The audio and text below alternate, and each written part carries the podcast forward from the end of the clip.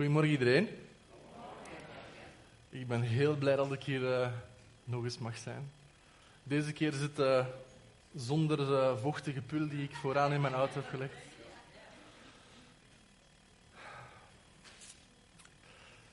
Ik ben al heel de week mentaal in mijn hoofd zo bezig over Pinksteren, over alles wat dat betekent, alles Alles wat dat met zich meebrengt. En nu terwijl ik hier in de dienst zat en, en de muziek en de liederen en alles aan de gang is, zei God tegen mij van lees nog eens Handelingen 2. Ga nog eens kijken wat daar staat. Dus ik zet mij neer en ik lees en er valt mij iets op. Het, uh, wat gebeurt er net voor Pinksteren? Het staat hier. En uh, het lot viel op Matthias. en hij werd met de elf andere apostelen genummerd. Dus uh, dat is persoonlijk, hè? En dan staat er iets. wanneer de dag van Pinksteren was gekomen, waren zij allemaal in eenheid bij elkaar. En dan komt de Heilige Geest. Waren zij allemaal in eenheid bij elkaar. En ik weet niet wat er in de kerk allemaal aan de gang is. Ik weet niet wat er in conventie Ik weet dat er iets met het leiderschap en transitie en overgang. Maar ik was aan het denken, Jezus zegt, als hij zijn kerk start, zegt op deze rots bouw ik mijn gemeente en zelfs de poorten van de hel zullen er niet tegen stand houden. En dan denk ik, bestaat nu wat, bijna 50 jaar? Bijna 50 jaar. En jullie zullen waarschijnlijk al regelmatig moeilijkere wateren doorzwommen hebben samen. En ook wat hier misschien nu op dit moment aan de gang is, het overgangsgesprek of het afrondingsgesprek. Ik denk dat het belangrijk is om de eenheid te bewaren in de kerk. Dus ik wil ook de broeders en de zusters bemoedigen die het op dit moment misschien moeilijk hebben. En zeggen van wat hier aan de gang is, ik heb het daar moeilijk mee, dat doet pijn. Dan denk ik van, er is maar één ding dat de kerk kan tegenhouden. Ziet je, ze hebben de kerk vervolgd en ze hebben haar leden opgesloten en verbrand en in de gevangenis gesloten en voor de leeuwen gegooid. En dat hielp allemaal niet. Ze hebben hun bezittingen afgepakt, ze hebben hun burgerschap ontnomen, ze hebben van alle dingen gedaan en dat hield de kerk niet tegen, wel in tegendeel. er is maar één ding dat de kerk kan nekken. Het enige dat de kerk kan tegenhouden en dat is interne verdeeldheid. En dat is onze verantwoordelijkheid samen om de, de, eenheid. En er kan conflict zijn. Conflict kan soms goede dingen teweeg brengen. Daar moeten we misschien niet bang van zijn. Paulus en Petrus hadden ook conflict. Ze zijn er waarschijnlijk sterker uitgekomen. Amai.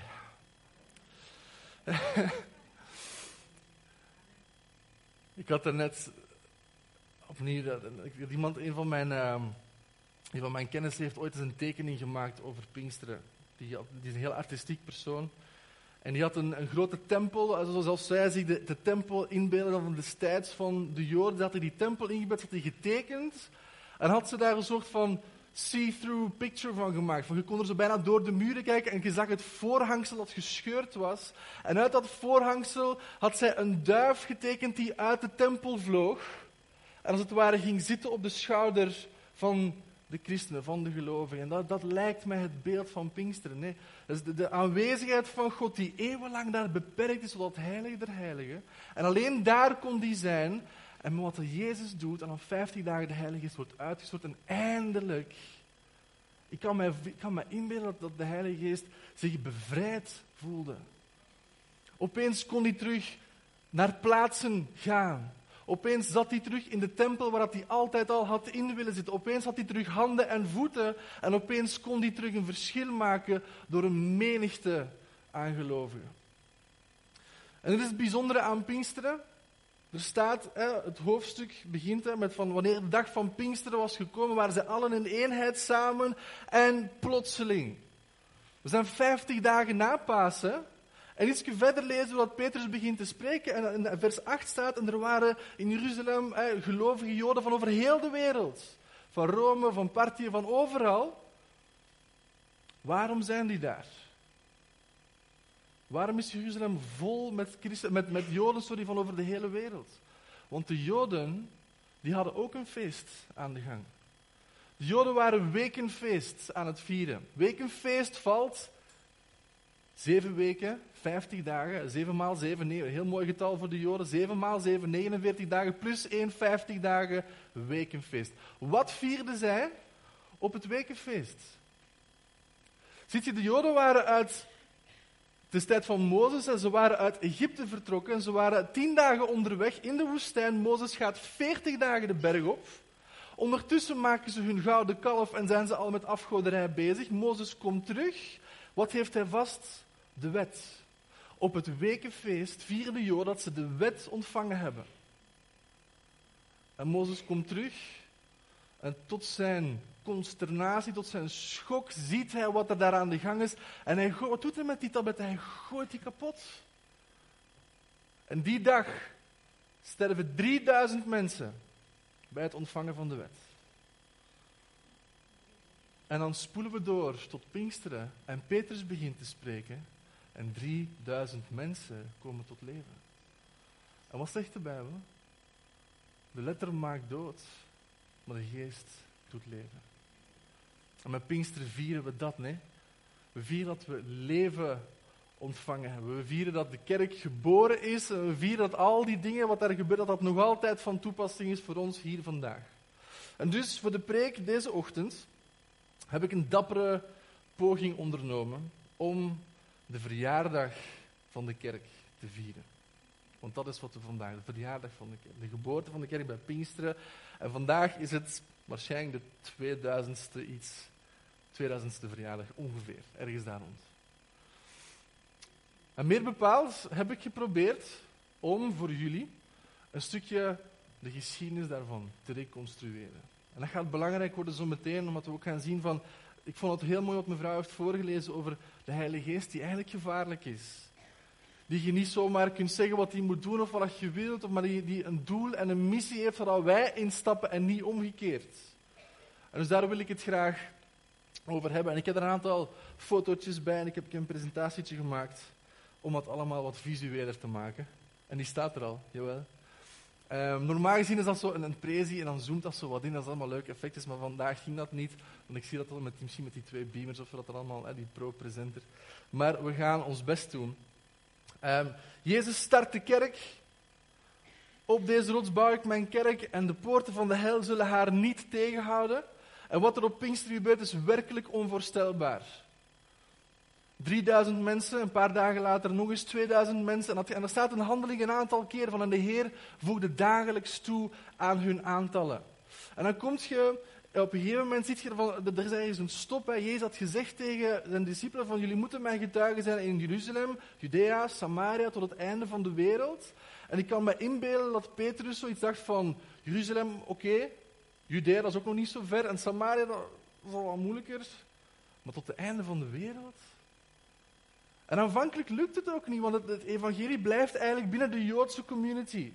Er wordt wel naar Damascus gegaan enzovoort, maar dat, dat blijft eigenlijk binnen de context van de plaatselijke synagoge, waar de mensen naartoe gaan. En aan de heidenen, de andere volkeren, werd nog niet gedacht. En opeens krijgt Petrus zijn visioen en ziet hij dat wat God rein heeft verklaard, zal de mensen niet onrein verklaren. En dan komt Paulus op de scène. En eigenlijk is het pas bij Paulus dat we doorbraak zien bij wat er in Antiochië gebeurt en dat er in Jeruzalem wordt gereageerd van Wilt God ook de heidenen? Wilt God ook de andere volkeren? En ze hadden het eigenlijk kunnen weten, want in de psalm staat er vol van. En wij zeggen, kennen allemaal, wees stil en weet dat ik God ben. En dat, dat, dat vers kennen we allemaal. En er net achter staat van, en ik zal verheerlijkt worden onder alle volkeren. Ik zal verheerlijkt worden onder alle naties. En dat is wat er met Paulus begint te gebeuren. Paulus die gaat erop uit en die begint te stichten en die begint rond te trekken. En je ziet zo zijn missiereizen en het eindigt allemaal in Rome, ongeveer 64 na Christus, waar dat Paulus onthoofd wordt. En dat je dan zo denkt van oei, en nu? Petrus was ook al dood en Jacobus was toen ook al dood. En je denkt van, wat gaat er gebeuren met die hele, hele prille kerk? Wat gaat er gebeuren als het leiderschap weg is? Johannes de Doper was, Johannes, Johannes de Openbarer, de, de discipel, die was wel nog in leven, maar die zat waarschijnlijk misschien al op Patmos. Of we weten niet waar hij op dat moment zat, maar die was, dat was de laatst levende discipel van Jezus. Wat gebeurt er? Wat gaat er gebeuren vanaf dat moment? En het is prachtig om te zien dat toen Paulus stierf, of toen Johannes de, Johannes de discipel, zeg maar, toen dat die stierf, waren er in de antieke oudheid, in het, in het Rijk van Rome, tussen de 25.000 en de 50.000 christenen, naar schatting. En is een mooie groep, maar als je weet dat er ongeveer 60 miljoen Romeinse burgers waren in die tijd, dan is er nog altijd een hele kleine minderheid, hè? 25 à 50.000. In 300 na Christus, net voordat Constantijn de kerk zeg maar, in zijn plan meeneemt van de staat en die vermengt en de kerk begint te gebruiken voor zijn eigen doeleinden en de Romeinse keizers dat na hem ook gedaan hebben, toen waren er 20 miljoen. 20 miljoen christenen. Hoe hebben die dat gedaan? Er was intense vervolging. Ze hadden weinig tot geen Bijbels. Ze hadden geen media, geen technologie, geen centraal leiderschap, wat wij altijd associëren met hoe wij kerken Dat was er allemaal niet. En toch groeien zij als een lopend vuurtje doorheen heel die antieke oudheid. Om uiteindelijk aan zo'n grote aantallen te komen, totdat de Romeinse keizer bijna moest van oké, als we er niet tegen kunnen winnen, dan moeten we ons erbij voegen. En dus dat leidt ook een beetje een, een, een donkerdere periode van de kerk in waarin dat de kerk en de staat vermengd werden. Want Constantijn, als we gaan kijken wat hij gedaan heeft, misschien waren zijn bedoelingen goed, misschien ook niet, dat kunnen we niet moeilijk inschatten. Maar het gevolg was dat opeens alle Romeinen die geboren werden, die waren allemaal christelijk geboren. Er was opeens geen nood meer voor evangelisatie, voor missies. Er moesten alleen eigenlijk nog kerken gebouwd worden, want Constantijn wist ook heel goed van als ik en de Romeinse keizers bij uitbreiding, als wij de gebouwen bouwen waarin dat ze samenkomen, dan hebben we ook iets te zeggen over wat daarin gebeurt. En dus die vermenging, opeens zien we iets heel anders. We zien dat van, van een levende movement in de Nieuw-Testamentische tijden wordt het bijna een monument. We zien daar een overgang die zegt van, wacht even, dat is, niet zoals Jezus de kerk gestart heeft, maar dat is wel hoe dat die nu opeens begint te draaien. En er was iemand die daar veranderingen in ging brengen. En dat was een Engelse jongeman. En die werd gevangen genomen door de Ieren, door Ierse stammen. En hij moest daar hun schapen hoeden en hij leerde hun taal spreken enzovoort. Op een gegeven moment lukt het hem om te ontsnappen. En hij ontsnapt naar Frankrijk en in een abdij wordt hij zeg maar opgenomen en daar leert hij God kennen en de Bijbel kennen enzovoort. En opeens zegt God tegen hem van ik wil dat je terug naar Ierland gaat. Dat is bijna een beetje zoals Jona en Nineveh. Saint Patrick, want dat is degene waar we het over hebben, die zei aanvankelijk van nee, nee, ik ga niet terug naar Ierland. En God zegt, jawel, je gaat wel terug naar Ierland. En Saint Patrick was ongelooflijk succesvol. Hij heeft eigenlijk in zijn eentje bijna de monastery movement gestart, van, van naar het volk gaan en het, het evangelie onderbrengen in hun cultuur. Een klavertje 3, dat was al een symbool in de Ierse cultuur en hij maakt daar iets anders van. Hij zegt van vader, zoon en Heilige Geest. St. Patrick was een genie, een meester zeg maar, om het evangelie te vertalen op een manier dat de Ieren het konden begrijpen. In hun eigen taal, volgens hun eigen gewoontes en in hun eigen cultuur en al die dingen. Dat was, dat was echt mooi om te zien hoe dat, hoe dat St. Patrick eigenlijk Ierland voor altijd veranderd heeft. Vandaag de dag wordt nog altijd St. Patrick's Day over de hele wereld gevierd. En iedereen sminkt aan zijn gezicht groen enzovoort. Maar weinig mensen weten eigenlijk wat hij allemaal gedaan heeft in de stijl van Paulus, in de stijl van de apostelen, krijg je daar een, een, revival in Ierland. Nog in onze geschiedenis hebben we iemand die Ludwig Nicolaus von Zinzendorf heet. Moeilijke naam, en dat gebeurt allemaal niet zo lang na de Reformatie. We hebben net Maarten Luther gehad die de hele theologie hervormd heeft. Opeens is er ruzie tussen katholieken en protestanten. En er zijn gewoon heel veel oorlogen in Europa in het algemeen. Er is een kleine groep en die wordt verplaatst. En die zoeken een plaats om te wonen. En ze komen daar aan in wat nu ongeveer Tsjechië is, Transylvanië. En dat was in het gebied van deze graaf, van Zinzendorf. En van Zinzendorf was een, was een gelovig man. Zegt van, jullie krijgen een plaats in mijn gebied om te wonen. En zij starten daar Hernhoed. En misschien kennen jullie, sommigen van jullie die naam, want Hernhoed betekent het huis van de Heer.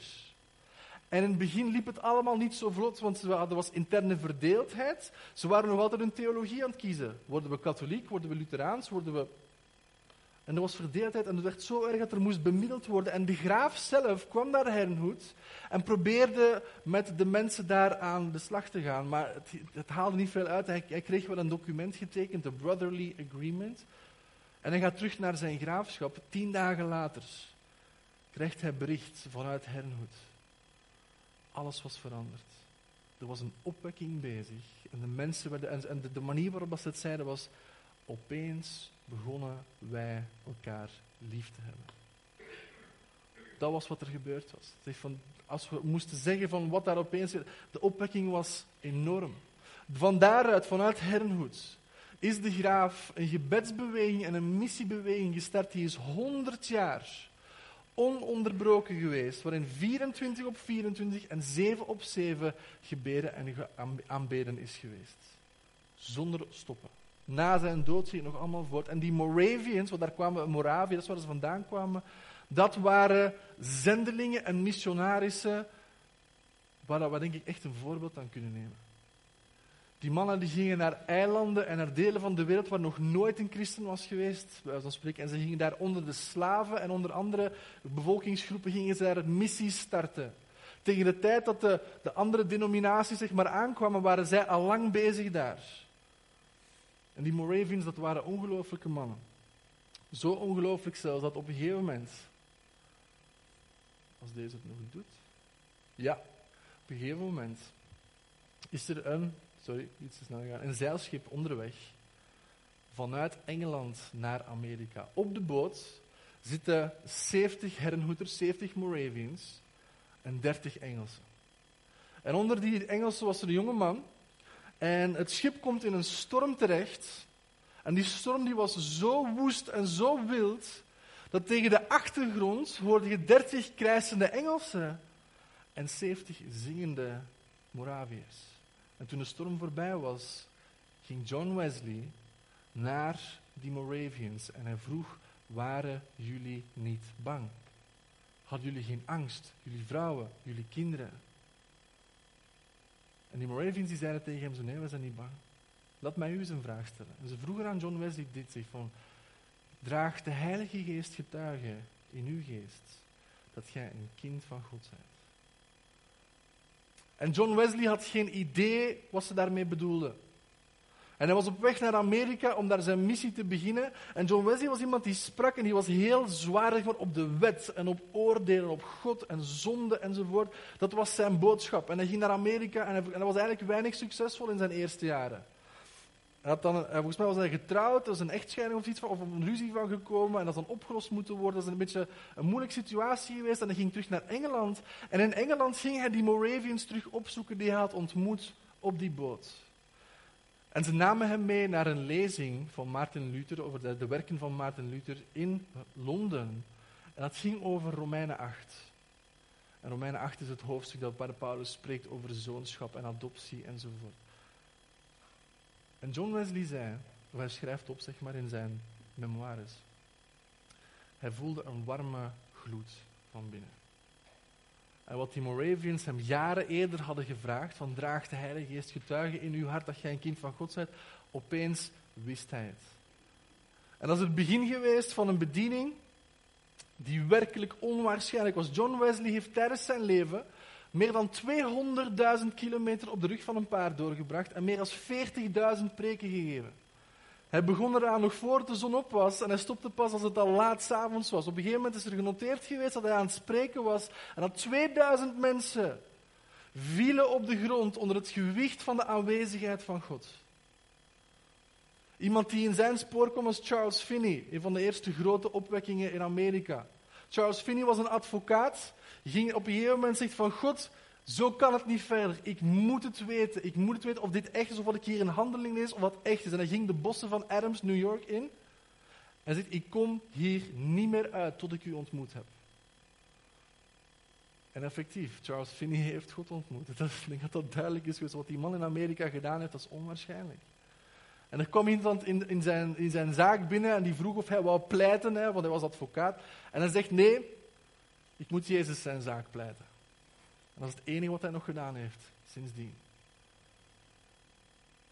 John Wesley had zijn circuit riders opgeleid. Hij was de eerste van de circuit riders. Dat waren mannen die gingen van stad naar stad en dorp naar dorp en die startten daar een kerk. En als die goed was of als die volwassen was, dan gingen ze door naar de volgende plaats. En, de en dan gingen ze die ook allemaal opnieuw terug bezoeken. En zo deden zij een circuit. Net zoals Paulus dat ook deed met de Galaten en de Colossensen en de Efeziërs.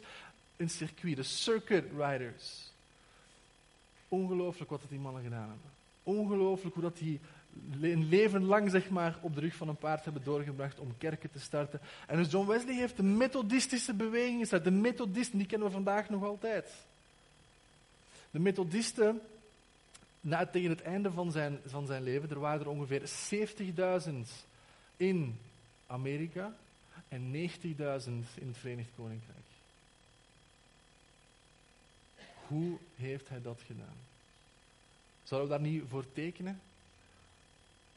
Net zoals St. Patrick en von Zinzendorf en John Wesley zouden we niet voor tekenen als we wisten van hoe hebben die dat gedaan om het dan ook te gaan doen. En ook zien hier in Heerlen en Schinnen en Maastricht en Roermond om hier 70 tot 90.000 christenen opeens te zien komen op één levenstijd.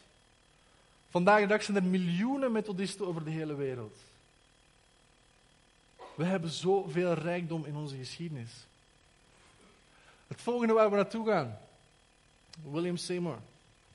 En sommigen van jullie gaan die naam kennen. 1906 Azusa Street Revivals. Er was daar een loods. En William Seymour had het idee van we gaan hier gewoon samenkomsten organiseren. We gaan elkaar ontmoeten en we gaan de aanwezigheid van God zoeken. En op een gegeven moment begonnen daar dingen te gebeuren. Waar dat de kranten over heel Amerika begonnen te rapporteren van Pinksteren is weer gekomen. En er waren sceptische methodisten, en er waren sceptische presbyterianen, en er waren sceptische episcopalen, en er waren sceptische heel veel denominaties. mensen gingen gaan kijken of het echt zo was. En ze gingen naar binnen als een baptist, of ze gingen naar binnen als een methodist, of ze gingen naar binnen als een katholiek, en zo kwamen Pinkster buiten.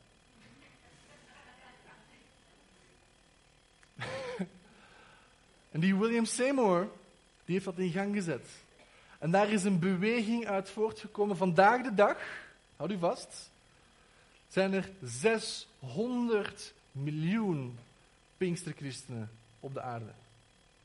600 miljoen. Als je dat terugtrekt naar 1906, dan is dat ongeveer 5 miljoen per jaar.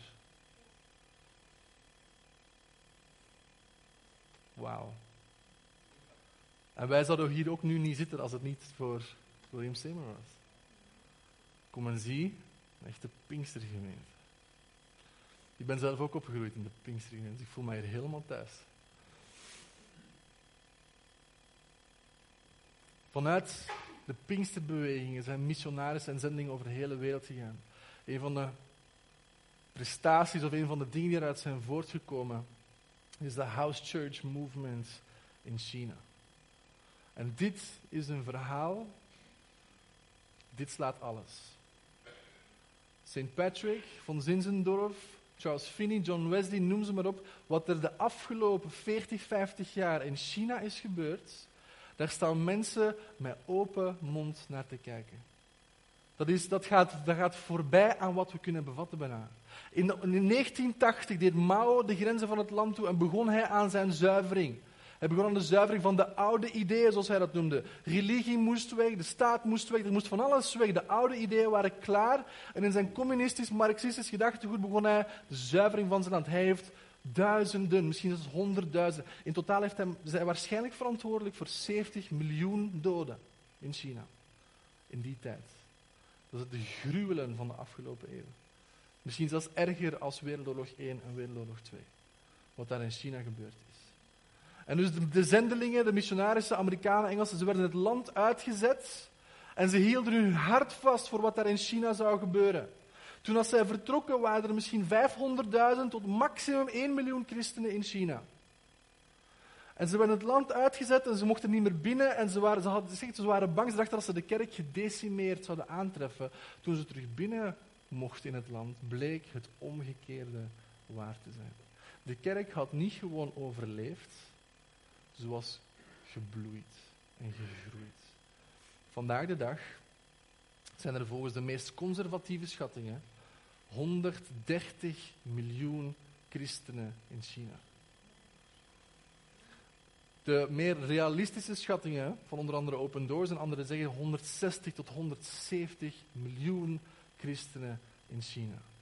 Er is betrouwbaar geregistreerd dat Brother Young in zijn netwerk meer dan 3 miljoen mensen heeft. Ying Kai, ook een Chinese voorganger, meer dan 1,7 miljoen mensen in zijn huiskerknetwerk.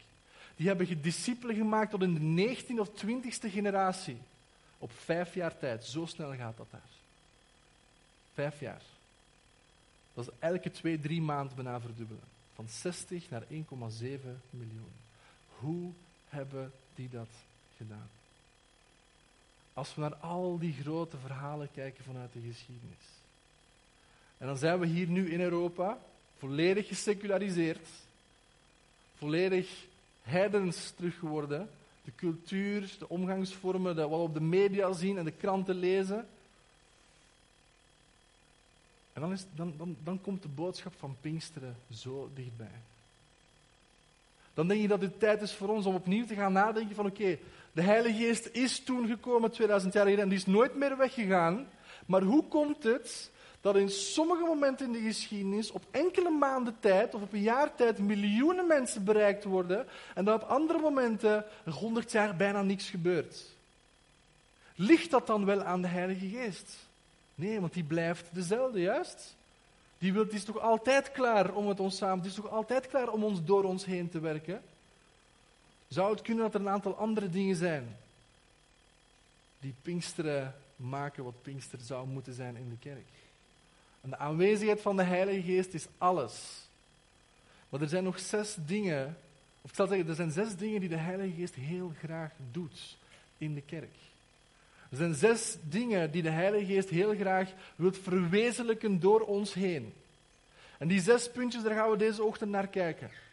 En je zou kunnen zeggen, dat is het DNA van de kerk. Dat zijn zes elementen. Als we die bij elkaar houden en daarop inzetten en daar werk van maken, dat zijn zes elementen die we gedemonstreerd zien door onder andere St. Patrick, Charles en zo, al die mannen.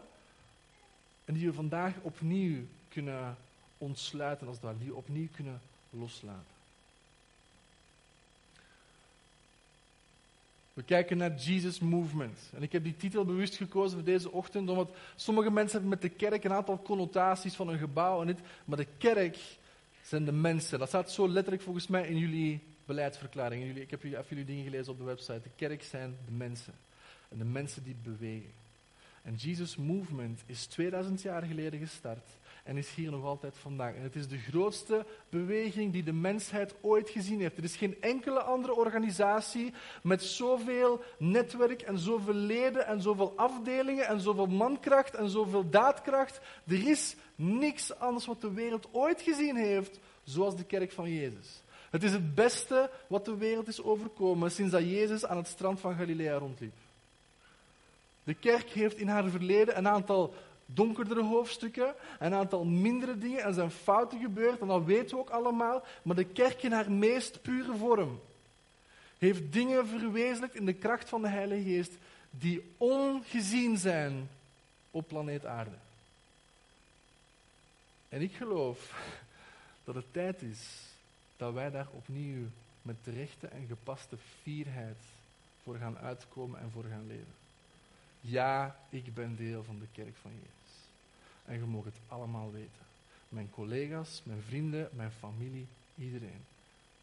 Ik ben ongelooflijk enthousiast over de kerk.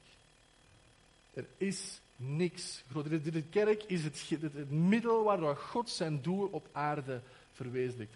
En ik ben daar heel graag deel van. Onwaarschijnlijk. How did they do it? Hoe hebben ze het gedaan?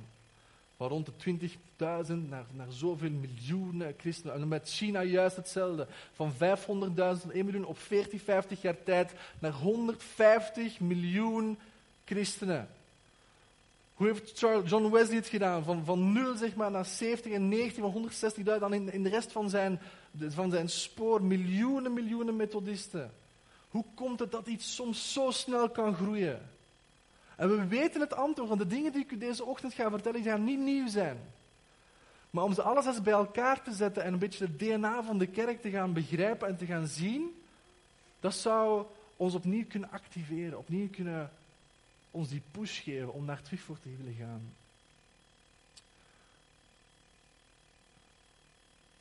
Apostolisch genie. Dat is hoe we het zouden kunnen noemen. Apostolis van apostello, van het Grieks gezonden.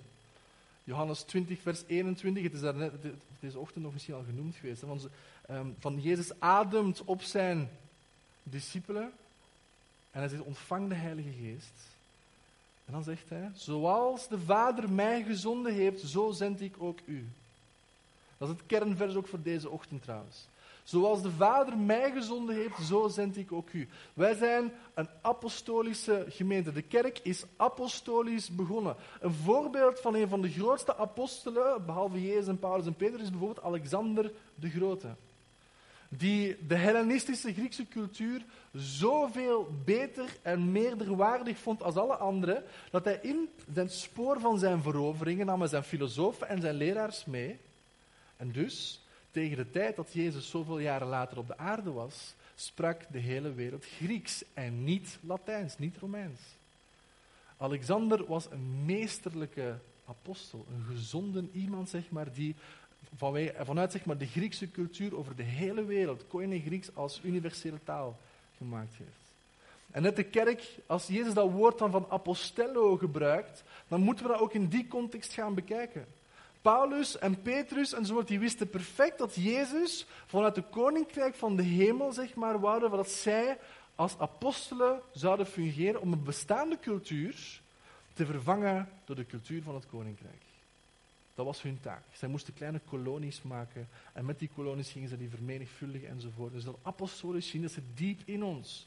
Er is iemand ooit geweest die van ik ga een kerk in Schinnen starten. Dat was een apostolische onderneming. Een gezonden, oh, in Schinnen is nog geen kerk, daar moet een kerk komen.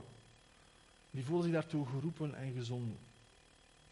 Het DNA van de kerk. Nummer 1. Jezus is Heer. Als we gaan kijken naar alle grote opwekkingen in de geschiedenis van de kerk, dan is dit het allereerste element. Dat wil zeggen dat er een, mens, een groep van mensen bij elkaar waren en die waren toegewijd aan dit ene idee: Jezus is Heer. En zij kwamen niet in de problemen omdat zij een andere God dienden. De Romeinen waren polytheïsten, ze hadden ongelooflijk veel goden en alle andere landen ook. Zij kwamen daardoor niet in de problemen. Het probleem waar zij in kwamen als christenen was omdat zij weigerden te zeggen: Keizer Curios. De keizer is Heer. Ze zeiden: Nee, de keizer is niet Heer. Jezus is Heer. Ik denk dat wij dit aspect, wij komen op zondag en wij beleiden dit allemaal samen. We zingen erover en we zeggen Jezus en we bidden het. Maar ik denk soms dat we de dimensie niet helemaal vatten van de heerschappij van Jezus. Ziet je, in de tijd van Abraham was heel de wereld polytheïstisch. De Mesopotamiërs hadden hun vele goden. En daarna de Grieken en de Babyloniërs en de Perzen en de Romeinen, de Egyptenaren hadden allemaal verschillende en vele goden. Amon-Ra, Isis, Zeus, Jupiter, noem maar op. En in die context zegt God tegen Abraham, je moet vertrekken en naar een land gaan dat ik u ga tonen. En hij openbaart zich als de ene God. Abraham is de eerste monotheïst op de planeet. En hij geeft dat door aan Isaac. En Isaac geeft dat door aan Jacob. En Jacob geeft dat door aan zijn twaalf zonen. En dan zitten ze daar in Egypte, 400 jaar lang als slaven. En alles wat zij rond zich heen zien, zijn vele verschillende goden. En zij zijn apart, ze zijn Hebreërs, ze hebben maar één God. Hoe werkt dat precies? Ze wisten het zelf niet helemaal, want dan komen ze in de woestijn en maken ze een gouden kalf. Waarom? Ze moesten iets zien, ze moesten iets voelen, ze moesten iets kunnen aanraken. Dat moest, dat moest echt zijn voor hun. Maar het leven als polytheïst in de oudheid was niet simpel. Want je moest alle goden op je pad tevreden houden. Je woont in een huis en zegt dat je naar de rivier moet om water te halen. En je moet eerst langs het veld passeren en op het veld staat een klein altaar waar je een offer kunt brengen aan de god van het veld. En dan moet je langs het bos en er staat een hele grote boom waar je zegt, die moeten we met rust laten, want er zitten driaden en andere geesten, dus je loopt er in een wijde boog omheen. En dan kom je aan de rivier. En dan bid je de God van de rivier dat de rivier niet zou droogvallen. En dan moest je heel de weg terug. En je moest zo in je leven, als je met een verre zeereis ging maken, moest je bidden tot Poseidon. En als je, als je regen nodig had, dan moest je bidden tot de God van de vruchtbaarheid, Demeter of zoiets. Je moest alle goden tevreden houden. Zelfs de profeet Jona was misschien nog een klein beetje beïnvloed door dat polytheïsme, want hij, zegt, hij had ruzie met Yahweh. Yahweh zegt van ga naar Nineveh, Jona zegt ik zeg nee. En hij pakte een boot op de Middellandse Zee en hij wil vluchten naar een ander land, want daar is een andere God en die heeft geen ruzie met mij. Wist hij veel dat Yahweh ook heer is over de Middellandse Zee. Hij zegt van oké, ik zal toch gaan. Dan is het zo apart om te zien in Deuteronomium 6. Mozes gaat daar iets zeggen tegen de Israëlieten. Wat dat mindblowing was. Wat alles veranderd heeft. Dat is iets geweest, dat is, dat is een statement, dat is één zin. En tot op de dag van vandaag herhalen de Joden die ene zin als ze opstaan en als ze gaan slapen, als ze gaan eten, als ze Pasen vieren, als ze wekenfeest vieren, bij, bij de Mar Mitzvah en alles. Er is die ene zin, ze noemen het de Shema Israël. En daar heeft Mozes die voor de eerste keer uitgesproken. En dat moet een onwaarschijnlijk krachtig moment geweest zijn, wanneer 2 tot 3 miljoen Israëlieten dat allemaal herhaald hebben. Mozes zei dit, zegt, luister, o Israël. De Heer uw God, de Heer is één. Luister, o Israël, de Heer uw God is God. Er is er maar één. En hij is één. Er zijn niet 15.000 verschillende goden of 330 miljoen zoals in het Hindoeïsme vandaag. Er is maar één God en hij is Heer. En dat komt soms voor ons op een rare manier. Als je in Leviticus enzovoort aan het lezen bent, dan ziet je de wet. En in het eerste vers spreekt Mozes over de tempeldienst en over rein vuur en onrein vuur. In het tweede vers spreekt hij over een vrouw die haar maanstonden heeft en uit het kamp moet, zeg maar. In het derde vers spreekt hij over een ezel die op Sabbat niet uit de put gehaald mag worden. In het vierde vers spreekt hij over een dief die dubbel moet herstellen als hij gestolen heeft. En je denkt, Mozes, had je dat alsjeblieft niet een beetje beter kunnen ordenen? Had je daar een beetje meer structuur in kunnen brengen? Maar er komt een boodschap tot ons doorheen die structuur, of gebrek aan structuur, en dat is deze. God heeft iets te zeggen over elk klein aspect van het leven. Er is niks waar hij niet God over is.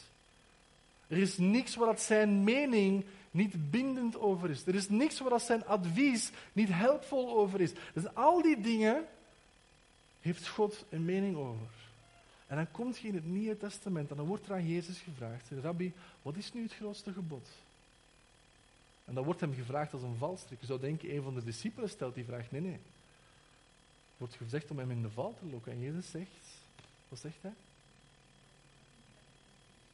Dat is het tweede wat hij zegt. Het eerste wat hij zegt is, luister, o Israël. De Heer, uw God, de Heer is één. Daarom hebt de Heer lief met heel uw hart en heel uw ziel, al uw kracht, al uw verstand en uw naaste als uzelf. Maar hij begint daar met datzelfde idee. En als het ware alsof hij dat op zichzelf toepast en zegt van er is niks, geen enkel deel van uw leven waar dat ik niet Heer over ben. Over uw job, van maandag tot vrijdag, over uw ontspanning, over uw gezinsleven, over uw werkleven, over uw financieel leven. Jezus is Heer over alles. En elke keer als wij een grote opwekking in de geschiedenis hebben gezien, dan is dat omdat mensen samenkomen in een eenheid en gaan beleiden, luister o christenen, Jezus is Heer. Over alles. En geen vals onderscheid tussen het heilige en het niet-heilige. En dat is, het, dat het eerste waar wij als kerk om draaien, om onze identiteit te verklaren en zeggen van wij bestaan om te beleiden dat Jezus Heer is en om zijn heerschappij uit te breiden op aarde. Discipelen maken. In elke keer dat je ziet in de kerk, in de geschiedenis van de kerk, dat de kerk succesvol was en snel ging, dan was daar een praktijk aan de gang van discipelen maken. En dat is soms een beetje apart. Want dat is het mandaat waar Jezus ons mee heeft weggezonden, of waar hij bij hij is mee weggegaan. Zegt van, ga en maak discipelen van alle volkeren. En hier zijn we nu 2000 jaar later. En in Engeland hebben ze daar een groot onderzoek naar gedaan. In alle kerken. Wat bleek? Wat vonden ze het moeilijkste? Discipelen maken. Dat was de grote vraag die elke voorganger zich stelde. Van hoe maken we nu discipelen? Dat is het ding wat we zouden moeten doen. En we hebben heel veel geleerd en gedaan in de afgelopen 2000 jaar kerkgeschiedenis. Maar het lijkt alsof dit iets is dat soms over het hoofd gezien is. Het lijkt alsof discipelen maken nog altijd iets in de abstracties. Van ja, ja, we moeten discipelen maken, maar hoe moet dat? Wanneer moet dat? Met wie moet dat? Hoeveel? Hoe weinig? Hoe dit? Hoe dat? Dus, dit is moeilijk voor te zeggen, discipelschap. En dus er is een klein verhaaltje dat ik met jullie wil delen, dat een beetje het punt illustreert. Zie, er was lang geleden en hier ver vandaan, zoals alle verhaaltjes beginnen, was er een steenkappersvolk. En die, dat, die, die mensen die konden stenen kappen zoals je nog nooit gezien hebt. Die werden wakker en die begonnen stenen te kappen en dat deden die hele dag doordat ze gingen slapen. Die waren helemaal gepassioneerd over blauwsteen en rotsteen en, en zandsteen en dit steen. Ze kennen de geologische benamingen en ze wisten hoe dat ze die moesten houden. Grote stenen, kleine stenen, stroostenen, lange stenen. Alles wisten die mensen. Die konden alles met stenen. En op een gegeven moment begon die, die stenenstapel die begon zich op te stapelen. Opeens, er, er was een overschot aan stenen, want ze bleven maar kappen en stenen kappen en stenen maken, stenen bakken. En opeens had iemand het idee van zich, wat als we onze houten hutjes nu eens zouden gaan vervangen door stenen huizen? En die begon dat. En in het begin was dat wat scepticisme over, maar opeens zag iedereen van, maar dat is eigenlijk wel een knap huis. Zou dat ook lukken om bijvoorbeeld een school te bouwen met stenen? Of ziekenhuizen te bouwen met stenen? Of weeshuizen te bouwen met stenen? En dus begonnen te bouwen en te bouwen en de stad werd, werd, werd groter en haar glorie was onovertroffen. Mensen kwamen van heinde en verre om te zien van, wauw, wat dat jullie hier allemaal gebouwd hebben is prachtig. Ongelooflijk. Maar er gebeurde iets in dat proces. Die mensen begonnen steeds meer te bouwen en te bouwen. En er waren steeds minder mensen die stenen aan het kappen waren. En die stenenstapel die begon te slinken. En de gebouwen begonnen... En op een gegeven moment waren er geen stenen meer. Was er een gebouw kapot, dan moesten ze reparaties doen. Dan moesten iets anders afbreken om dat huis te kunnen herstellen. En dezelfde stenen werden altijd gerecycleerd. En het, het, het gewicht kwam altijd op dezelfde stenen terecht. Want er werden geen nieuwe stenen meer bijgemaakt. En dus de, de stad kwam een beetje in verval. Het begon te verloederen. Er was dat leven, dat bruisen dat er ooit was van die instroom van nieuwe stenen, dat was gedaan. En dat ging zo jaren door.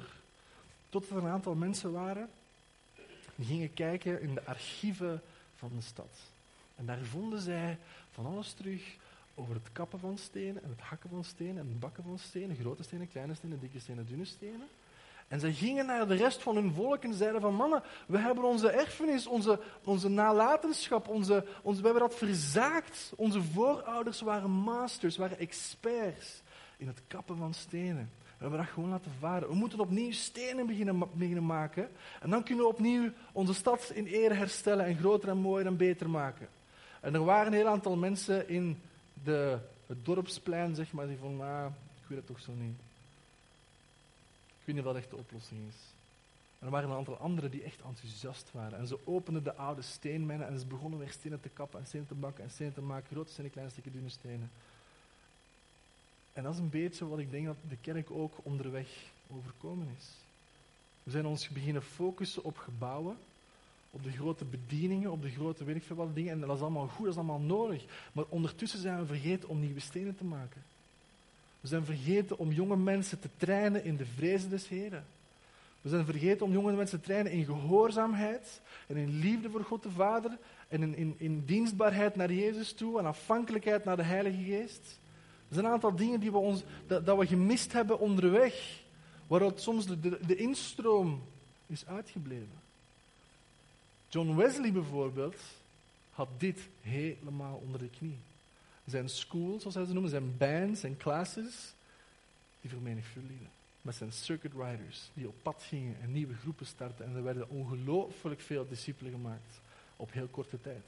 net zoals in China op dit moment, het aantal discipelen dat er per dag bij wijze van spreken bijkomt, is bijna niet bij te houden. Er worden mensen getraind en geleerd en onderwezen in de kennis van God. Het tweede, het derde, derde punt, missional incarnational. De belichaming zijn van. En er is ook een evolutie soms gebeurd in de kerk, waar wij een plaats hebben en waar wij iets organiseren. En dan nodigen we mensen uit. En ik heb dit gemerkt toen ik, uh, ik moest spreken in een kerk. En we gingen, een heel, we gingen vier weken lang gingen we een serie doen, zodat iedereen zijn collega's en de mensen en de vrienden enzovoort kon meepakken. En het ging redelijk apologetisch zijn over het Bijbels wereldbeeld en de betrouwbaarheid van de Bijbel en het bestaan van God enzovoort. Allemaal belangrijke dingen. En de eerste zondag kwam ik toe en er was geen enkele niet-christen in de zaal. En achteraf hoorde ik heel veel mensen die zeiden van, ik wou echt graag mijn collega's meepakken. En ik wou echt graag mijn vrienden en mijn kennissen meepakken. Maar voor, hun was de drempel op zondag, dat was te groot voor hun. En ik heb, ik heb zeker vijf keer hetzelfde verhaal gehoord van mensen die van, ja, als het bij mij thuis in de living was geweest, dan waren ze wel gekomen. Maar om op zondag naar de kerk te komen, en misschien dan nog iets meer in België als in Nederland, die drempel ligt heel hoog voor mensen. Want zij associëren de kerk met een aantal, een aantal dingen waar zij geen deel van willen zijn. Helaas, dat is niet terecht. Ik zie dat dat terecht is, maar dat is wel. Zeker in België is er een redelijk anti-gevoel naar de kerk toe. En dus dat, dat idee van op missie zijn samen, maar ook de belichaming, incarnation, de belichaming zijn van. Zie je, als mensen naar Jezus kijken, zien ze God. Dat is waar, hè? Hij is de openbaring van de Vader. Maar hij zegt dat hij ons gezonden heeft zoals de Vader hem gezonden heeft, zoals de mensen naar ons kijken, zouden ze Jezus moeten zien. Juist? Wij zijn de belichaming van, de incarnatie van. En dus dat is het idee. God is op missie. En die missie die gaat vervuld worden doorheen de kerk, maar niet als de kerk verwacht dat de wereld naar haar komt, alleen als de kerk naar de wereld gaat. En soms hebben we misschien iets te veel die mentaliteit van come and get it. Kom maar naar ons. We hebben een dienst georganiseerd om dit. En daar kunt je het evangelie horen. En misschien moeten we terug meer gaan denken in de termen van de grote opdracht van ga en verkondig. De boodschap. Aan onze collega's, aan onze vrienden. We zijn de extensie, zeg maar, de handen en de voeten van de Heilige Geest in onze omgevingen. En als, als ze het niet van u gaan horen, van wie gaan ze het dan wel horen? Organische groei. Er is iets aan al die kerkbewegingen, zowel de Chinezen als John Wesley als St. Patrick, wat organisch was. Dat was niet gestuurd of, of, of zelfs gecontroleerd van bovenaf. Dat was iets dat, dat was de people's movement, dat was grassroots, zeg maar. Dat was, elke persoon werd verwacht om daar deel van te zijn. Elke persoon, er, was niemand in die tijd van de Chinezen, of van wat er nu aan de gang is, er was niemand in de tijd van John Wesley, er was niemand in de tijd van het Nieuwe Testament die de gave van stoelverwarming had. Iedereen was actief, iedereen was betrokken, iedereen was gemotiveerd en enthousiast en klaar om het vervolg te schrijven van de Jesus Movement. En dus organische groei is eigenlijk heel simpel. Ziet je, elk zaadje heeft het potentieel van een boom. En elke boom heeft het potentieel van een bos. Elke christen heeft het potentieel van een kerk of een huisgroep. En elke huisgroep, een beweging of elke kerkbeweging heeft het, potentieel van een movement. Van iets dat veel groter is, van iets dat internationaal gaat, bij wijze van spreken. En dus organische groei, daar moeten we over beginnen nadenken in onze huiskerk, in ons hart. Om hoe kunnen we die vermenigvuldigen? Hoe kunnen we die helpen groeien en helpen dat er steeds meer mensen deel worden van dat netwerk enzovoort. En ik denk dat we moeten worden zoals Tupperware. Dat is misschien een rare vergelijking. Maar wat Tupperware gedaan, is, gedaan heeft qua marketingstrategie was echt briljant. Huismoeders die samenkomen in een living om Tupperware te bespreken en te kopen. En aan het einde van de avond wordt er gezegd van, kijk, je kunt het allemaal nu meepakken en kopen, maar als je je eigen Tupperware-avond organiseert, dan kun je alles aan 40% korting kopen. Dus de slimme huisvrouw denkt, is dat niet mooi? En die organiseert haar eigen Tupperware-avond. En zo heeft Tupperware de hele wereld rondgegaan. Dat is knap. Op Facebook zien we het constant. Wie weet er nog de Ice Bucket Challenge? Dan moest je onder zo'n koude emmer gaan staan. Als je dat gedaan kon je andere mensen nomineren om het ook te doen. Christendom op zijn best lijkt op Tupperware en de Ice Bucket Challenge. Waar het constant, pay it forward zeg maar. Ik nomineer die, jij mag nu christen worden. En dan gaat die ook weer een christen maken. En die gaat ook weer een discipel maken. Die organische groei. Zie je, het, het koninkrijk van God zweeft over de bestaande netwerken, over de bestaande relaties. Via uw werk, via uw collega's, via, via uw familie. Ehm, Al-Qaeda is een minder schoon voorbeeld, maar ook een movement. Ook organisch. Hoe komt het dat het sterkste leger op aarde Al-Qaeda nog altijd niet heeft klein gekregen? Voor elke terrorist die er sterft, komen er drie of vier nieuwe in de plaats, zo lijkt het soms. Ze hebben er heel moeilijk als paddenstoelen uit de grond in Afghanistan. Ze vinden ze niet, ze, kunnen ze, ze zijn te mobiel. Al-Qaeda bewegen ook als een beweging. Dat is, dat is een slecht voorbeeld. Ik begrijp me niet verkeerd, maar dat is wel hoe dat de kerk ook ooit was. De Romeinen kregen er geen vat op. De sterkste, of de, een van de meest ijzeren regimes die de wereld ooit gezien heeft, die kregen geen vat op die movement. Dat ging te snel, ze konden dat niet bijhouden. Nummer vijf, grensverleggende community. Als er iets is wat de Heilige Geest van houdt, dan is het om deel te zijn van een grensverleggende community. En dan bedoel ik die inwaartse beweging van samenhorigheid en eenheid en netwerk en contact en relaties, maar ook het samen naar buiten toe grenzen gaan verleggen en mensen gaan bereiken en nieuwe kerken gaan stichten. En grensverleggende community, dat is iets waar, wij, al onze films, bij wijze van spreken, zijn daarover gemaakt. Voor de mensen die bijvoorbeeld naar The Lord of the Rings kijken. Daar zetten ze een mens, een elf, een dwerg en een paar hobbits bij elkaar. en je zou denken, dat, dat gaat niet, dat kan niet. En naar het einde van die films toe is dat, is dat een broederschap geworden. Dat zijn mannen die, die voor elkaar door het vuur zouden gaan. En, en die elf, nee, die, die dwerg wordt zelfs gegooid door die mensen. Dan zegt van, vertel het niet aan de elf en zo van die Dat is, dat, is, dat is ongelooflijk om te zien hoe dat het menselijke verlangen naar community zeg maar, speelt. De psychologische nood om ergens bij te horen en deel te zijn van iets dat groter is dan onszelf. Wel, de kerk is net dat.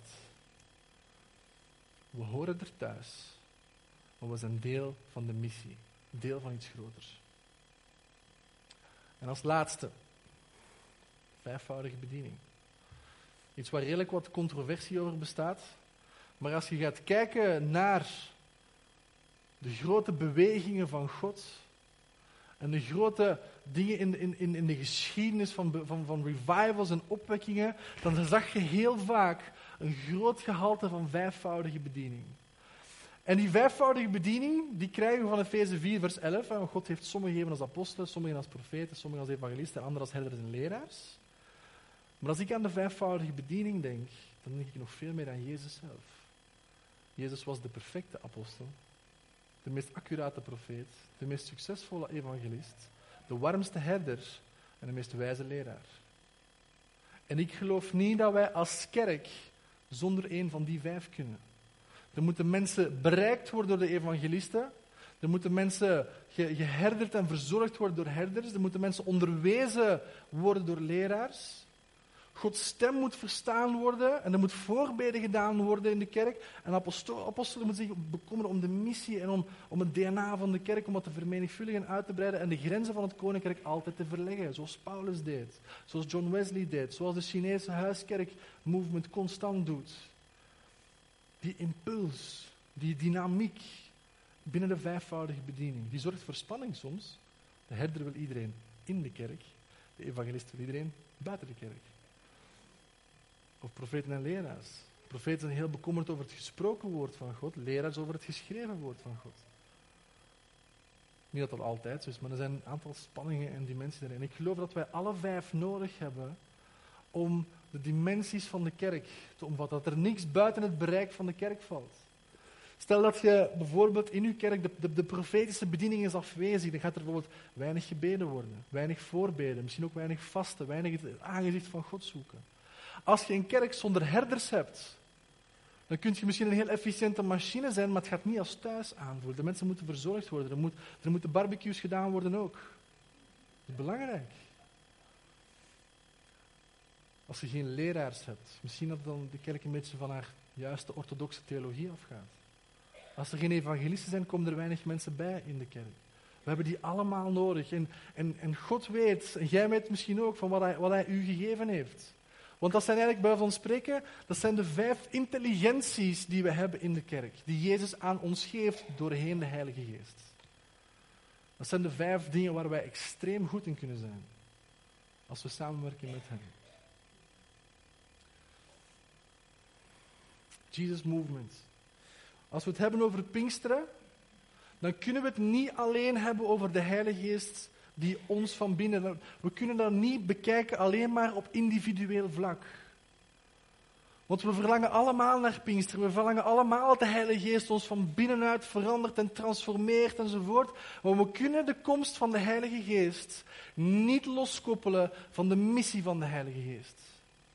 En dus ik wil, ik wil iets voorstellen voor u persoonlijk deze ochtend, maar ook aan de kerk. Ziet je? Als we de kerk organiseren rond bijvoorbeeld onderwijs. Er moet stevig onderwijs zijn. Er moet, mensen moeten de Bijbelkennis hebben en ze moeten leven volgens het woord van God. Dat is goed. Maar gaat je van daaruit missie krijgen? Nee, want de focus ligt op onderwijs. Stel dat we gaan focussen op evangelisatie. Er moeten nieuwe mensen bij komen. Er moeten gaan we de andere dingen vergeten. Stel dat we bijvoorbeeld focussen op de, aanwezigheid van God en de Heilige Geest en de gave van de Geest. Gaan we dan missie krijgen? Misschien. Maar wat als?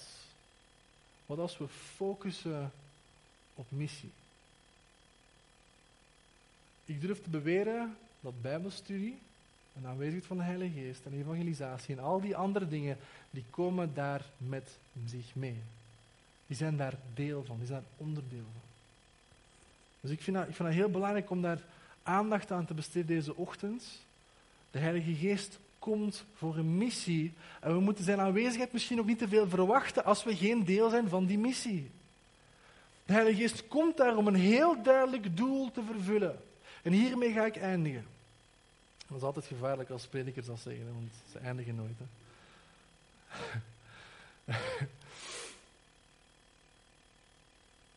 God is op missie de bestaansreden van de kerk. De reden waarom wij hier deze ochtend zijn, is omdat God op missie is. Als God niet op missie zou zijn, dan zou er geen kerk nodig zijn. Maar God is wel op missie. Hij is op missie om de hele mensheid met zichzelf te verzoenen. En dat gaat aan een ongelooflijk tempo aan de gang in deze wereld vandaag. Volgens de ruwste schattingen zijn er ongeveer elk jaar Nee, het was niet elke dag volgens mij. Ik ben de exacte cijfers vergeten. Het komt neer op 51 mensen per minuut die Gods koninkrijk binnenkomen. Waar gaat die groei vooral door? Dat is in Azië, Afrika en Zuid-Amerika. Dat zijn de drie continenten waar dit, op dit moment ongelooflijke, ook het Midden-Oosten, er zijn ongelooflijke dingen aan de gang. En hier in Europa lijkt het allemaal iets trager te gaan. In Amerika zijn ze ook die culture war aan het vechten met, met de maatschappij. Dat, het lijkt er allemaal anders en moeilijker te liggen. Maar God is op missie. Hij heeft een plan en het plan is aan het werken. En de afgelopen 100 jaar zijn er elk jaar 5 miljoen Pinksterchristenen bijgekomen. Alleen de rest nog niet eens meegeteld. God is aan het werk. De missie is op zijn einde aan het komen. God is grootste dingen aan het doen. En dus ik stel mij de vraag: hoe kan ik daar deel van zijn?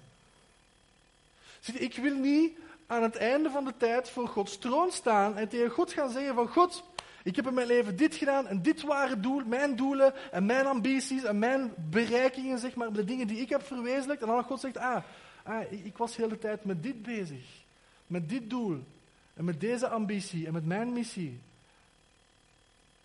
Wie van ons gaat later voor God staan en een, een, een stoef als het ware over zijn eigen ambities? Nee, dat is zoals die oudsten in openbaring die een kroon afgooien.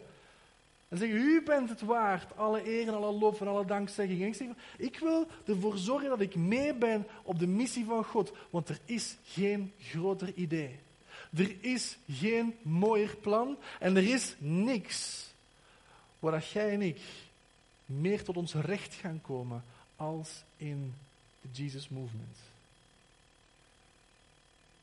Er is niks groter. Er is het niks het meer waard om uw leven aan te geven. Om uw ziel en uw geest en uw lichaam in te investeren. Om uw tijd, uw financiën en energie aan te geven. En er is nog zoveel meer voor u. Er is nog zoveel meer voor u. Om te gaan ontdekken met God. Er is nog zoveel meer dat Hij wil doen door u heen. En dus ja, de Heilige Geest is daar. En in uw leven, Hij is in u. Maar Hij wil ook op u zijn. Hij wil u ook helpen om te gaan. En om dingen te doen, om dingen te verwezenlijken in Zijn naam. We hebben dringend tijd. We hebben dringend nood zeg maar, aan de volgende John Wesley in dit land. We hebben dringend nood aan iemand die die weg gaat banen en gaat zeggen van we gaan opnieuw discipelen maken. We gaan opnieuw die grensverleggende community worden. We gaan opnieuw die organische groei maken. We gaan opnieuw die communities maken waar Jezus Heer is over alles. En dat begint bij elk van ons individueel. En als we dat allemaal samenbrengen hier op zondagochtend, dat is ecclesiologisch dynamiet. Kerkelijk dynamiet.